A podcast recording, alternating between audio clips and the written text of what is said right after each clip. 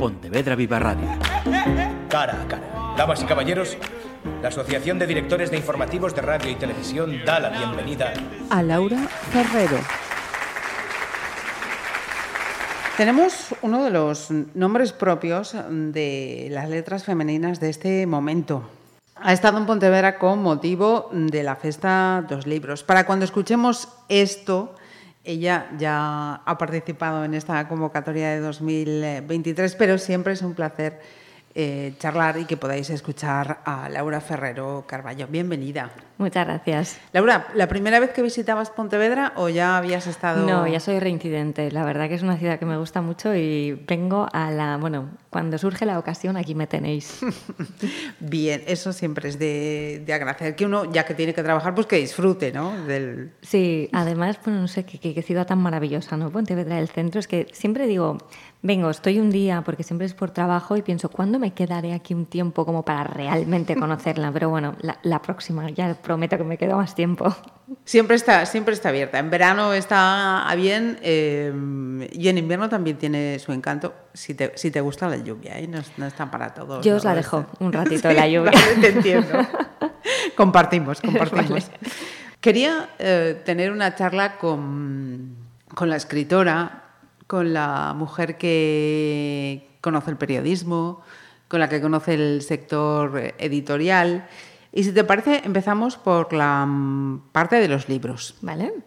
El último de ellos, Los astronautas, aunque tiene una referencia concreta a, estos hombres y, mujeres, no va precisamente del, espacio. Nos lleva a la propia Laura Ferrero, y como ya he charlado en, otras ocasiones con otros autores, me parece digno de destacar que os abráis así tan, tan en canal para que mm. todos abramos estas páginas y, os conozcamos de esta manera tan brutal, ¿no?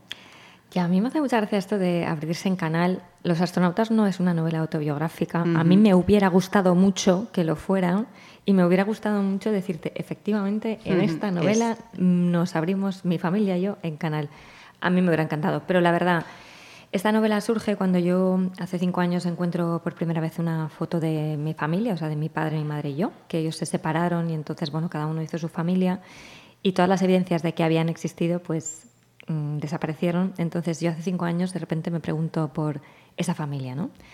Entonces, como te decía, a mí me hubiera encantado aproximarme a ellos, que me contaran y que los astronautas fuera el resultado de pues, la historia real pero no es del todo así, porque ellos no quisieron aparecer. Entonces es un poco una historia ficcionada de mi familia, ¿no? que se puede leer pues, con muchas claves como una historia pues, está un poco ficticia, más que autobiográfica, aunque sí que es verdad que parte de un hecho 100% autobiográfico.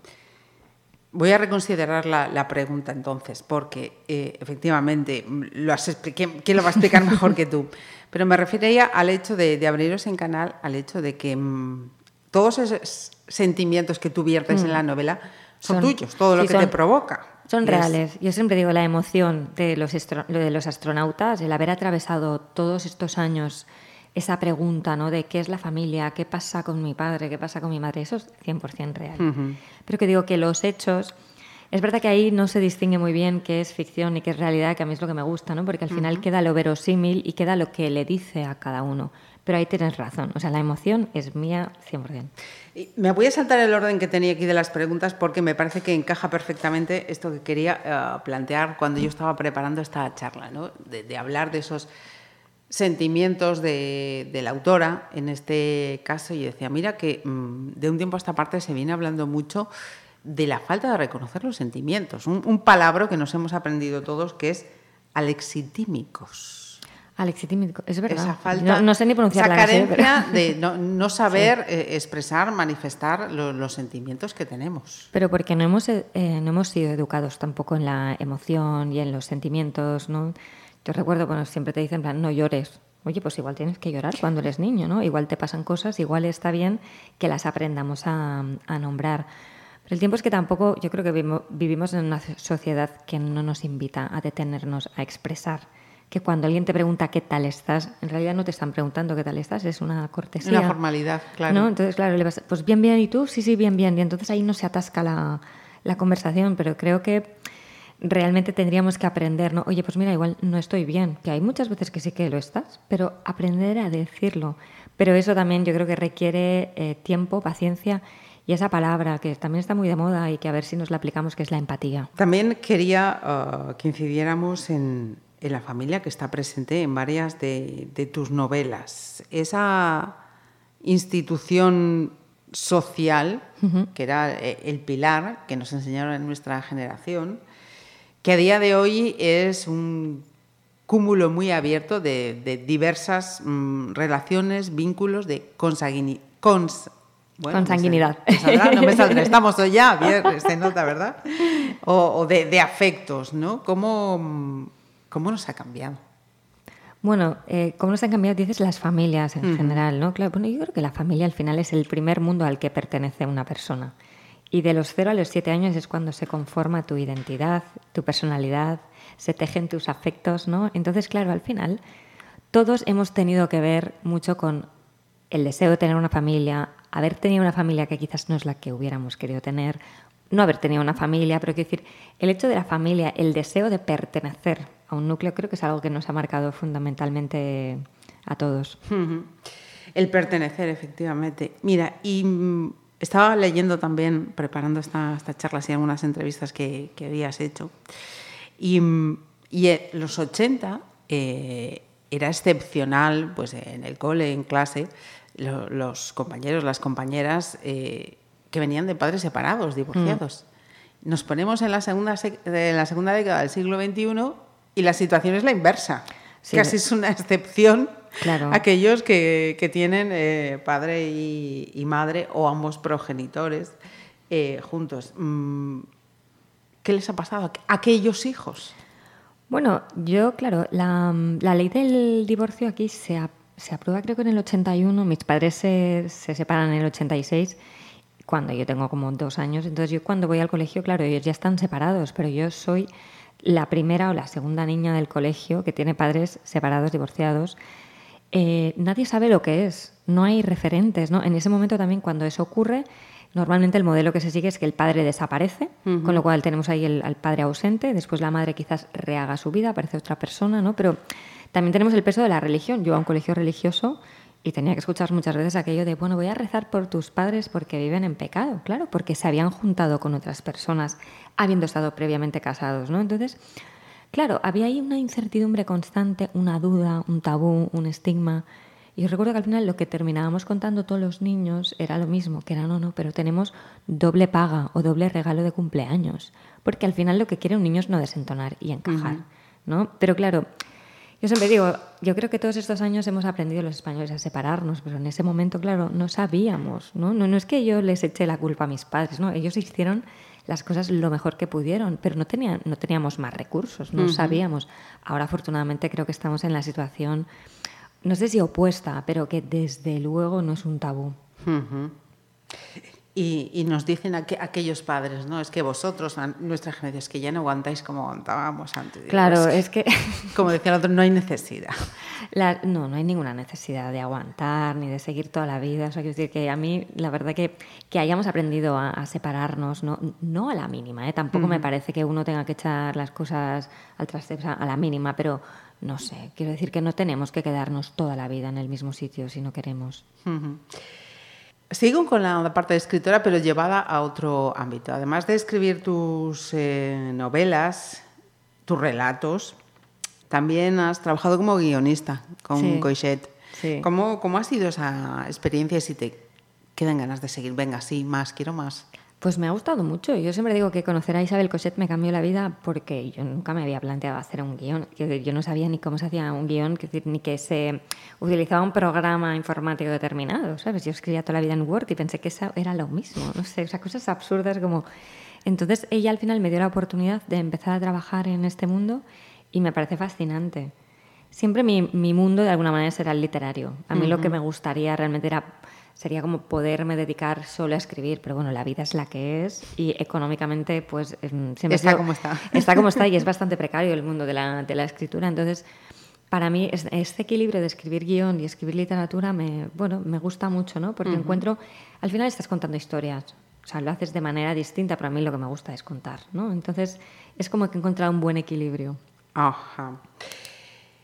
También conoces eh, el mercado editorial o el sector editorial porque ese primer título que publicabas fue autoeditado y he visto también, como decías, que te salió bien porque conocías cómo funcionaba el sector y, gracias a eso de autoeditar enseguida te, te echó el ojo Alfaguara. Pero que mm, no lo recomiendas en general, decir, me gusta escribir, escribo, me voy a lanzar a la autoedición. No, o sea, muchas veces eh, sí que creo que han utilizado como el caso de, mira lo que hizo Laura, como para decir, no, es que si autoeditas, puedes pasar después a una, a una editorial tradicional. Y digo, puede ocurrir, claro que sí. Pero el, o sea, lo que me ocurrió a mí es que yo trabajaba en la editorial ya. Yo trabajaba en Penguin Random House, estaba en marketing, tenía un blog, conocía periodistas. Quiero decir que no es lo mismo cuando tienes un conocimiento del sector que cuando te lanzas eh, casi a puerta fría ¿no? y crees que ese libro, porque es, probablemente pues, pues sea muy bueno y tú creas mucho en él, eh, se va a acabar publicando en la editorial que a ti te gustaría. Eso me parece un engaño. Entonces, es verdad que cuando la gente en alguna plataforma de autoedición han, utilizado ese caso, sí que me he dirigido a ellos como diciendo, es que no contéis esto porque no es así. ¿No? Entonces creo que induce a tener unas proyecciones que luego pues, no se cumplen. Lo que sí tiene como beneficio, como bueno, lo veo yo, yo así es, eh, pues que aquellos que tengan esa inquietud o esa habilidad, esas eh, destrezas, digan, bueno, pues como el refrán, he plantado un árbol, he escrito un libro, digamos que democratiza, ¿no? Mucho más. Eh, Completamente, y a mí eso me parece algo muy positivo, pero que no te Siendo consciente. Exacto, siendo consciente de que es un camino difícil y que ojalá lo consigas. Hay gente que no quiere publicar en una editorial tradicional, entonces, pues genial, me parece. Pero que a mí lo que no me gusta es que vendan una cosa que no Expectativas es. exacto. Que, no, que no son reales. Em, mira, hablando de expectativas, eres una mujer eh, que conoce el periodismo, que conoce la filosofía. Y cuando te estaba leyendo algunas cositas que has hablado con otros compañeros, decía yo, ¿y cómo veía Laura el periodismo con 18 años y cómo lo ve hoy? Mira, yo empecé a estudiar... No te cortes, ¿eh? Mira, yo, yo estudié filosofía y periodismo porque me parecía que el periodismo, tal como estaba planteado cuando yo lo, lo estudié, le faltaba algo. O sea, pero porque sentía que era una carrera como muy teórica cuando en realidad tenía que ser mucho más práctica y te tenían que dar, yo qué sé, otro tipo de conocimientos más en profundidad que yo sentí que no me los daban y por eso me metí en la doble. Entonces, yo soy periodista porque he estudiado periodismo, pero yo no me considero periodista. O siempre que he trabajado en el ámbito del periodismo he hecho cosas de cultura, pero como si te digo, reseñas, exposiciones, cine. Bueno, artículos bastante, bastante interesantes, ¿eh? Pero siempre reposados. A mí la prisa, quiero decir, yo creo que no podría trabajar en la sección de internacional de un periódico de economía y tal, pero por la inmediatez. Yo no soy una persona em, muy ágil, o sea, de tener una opinión ahora mismo sobre algo que está ocurriendo, ¿sabes? Sobre la marcha, ¿no? Yo creo que necesito más el tiempo de la de la reflexión y por tanto, en mi caso, me gusta escribir, pues por ejemplo, ya te digo, pues sobre cine, literatura, porque son espacios que son mucho más subjetivos y que me permiten pues tener el tiempo para realmente pensar lo que quiero decir. Y la Laura escritora es una mujer eh, disciplinada, se pone un horario para escribir, espera, ¿cómo, ¿cómo es ese proceso? Pues yo nunca me pongo ningún horario porque en realidad yo no vivo de escribir. Entonces, eh, si Claro, para terminar una novela sí que es verdad que tienes que decir, este mes tengo que estar ya cerrando la última parte del manuscrito y ahí sí que hay un horario que es como casi de oficina. Pero también es que como yo creo que la ficción o la escritura es un organismo vivo y que va emergiendo, ¿sabes? No, no, yo no me, siento, no me siento todos los días a las 9 de la mañana o a las 7 y me pongo cuatro horas. Hay veces que sí que tengo esa disponibilidad y entonces lo cumplo, pero porque también me sale pero no, no, soy de esas personas ¿no? que dicen que la inspiración te pilla trabajando. Sí, pero hay muchos días que a mí me parece que no va a llegar nunca. Entonces ese día es mejor que te dediques a otra cosa. ¿Y la parte de contacto con tus lectores, qué tal la llevas? A mí me gusta mucho. La verdad creo que la escritura es una, es una profesión como muy solitaria. Yo no soy nada solitaria, entonces agradezco que la gente me diga, me comente, incluso me digan, oye, he visto una rata en el libro, ¿sabes? Como que hay como una comunicación muy directa que yo la veo muy positiva, o sea, porque normalmente es desde el respeto, la amabilidad, entonces, no sé, para mí es tan de agradecer que alguien se tome el rato de escribirte, la verdad que me parece como muy bonito.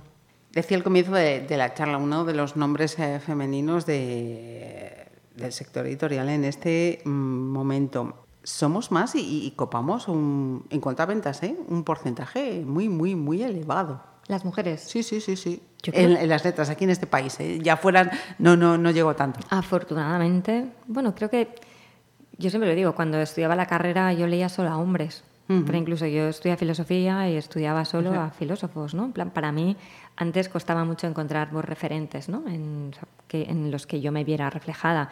Yo creo que afortunadamente ahora mismo, pues las mesas de, de novedades pues te diría que ya te digo, no sé si son 50-50, pero estamos ahí bastante a la par o incluso hay más mujeres en algún momento. Yo creo que sí. Me parece importante además eh, reseñar tus eh, títulos porque mm, hablando de, este sector editorial te sales de lo que llaman los top ventas. ¿no? Una mujer que está vendiendo los libros que vende y que se sale pues, de la novela negra, que es el on top, o esa ficción.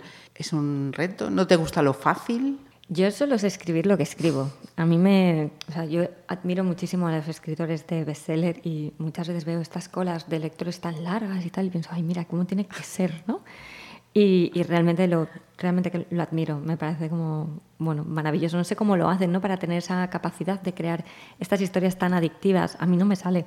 Quiero decir, a mí, no sé, yo al final siempre escribo sobre lo que me apela, ¿no? No sé muy bien las, las, historias de alguna manera no me, vienen, o sea, no me vienen de fuera, es como que hay un germen en algo que me ocurre o en algo o en una pregunta que me hago. Yo siempre digo, cualquier libro que he escrito es como una pregunta que hace tiempo que me hago y trato de responderla atravesando ¿no? la escritura. Entonces yo funciono así. Para mí la escritura está relacionada más con una manera de vivir, no casi que con una manera de, ganarme la vida.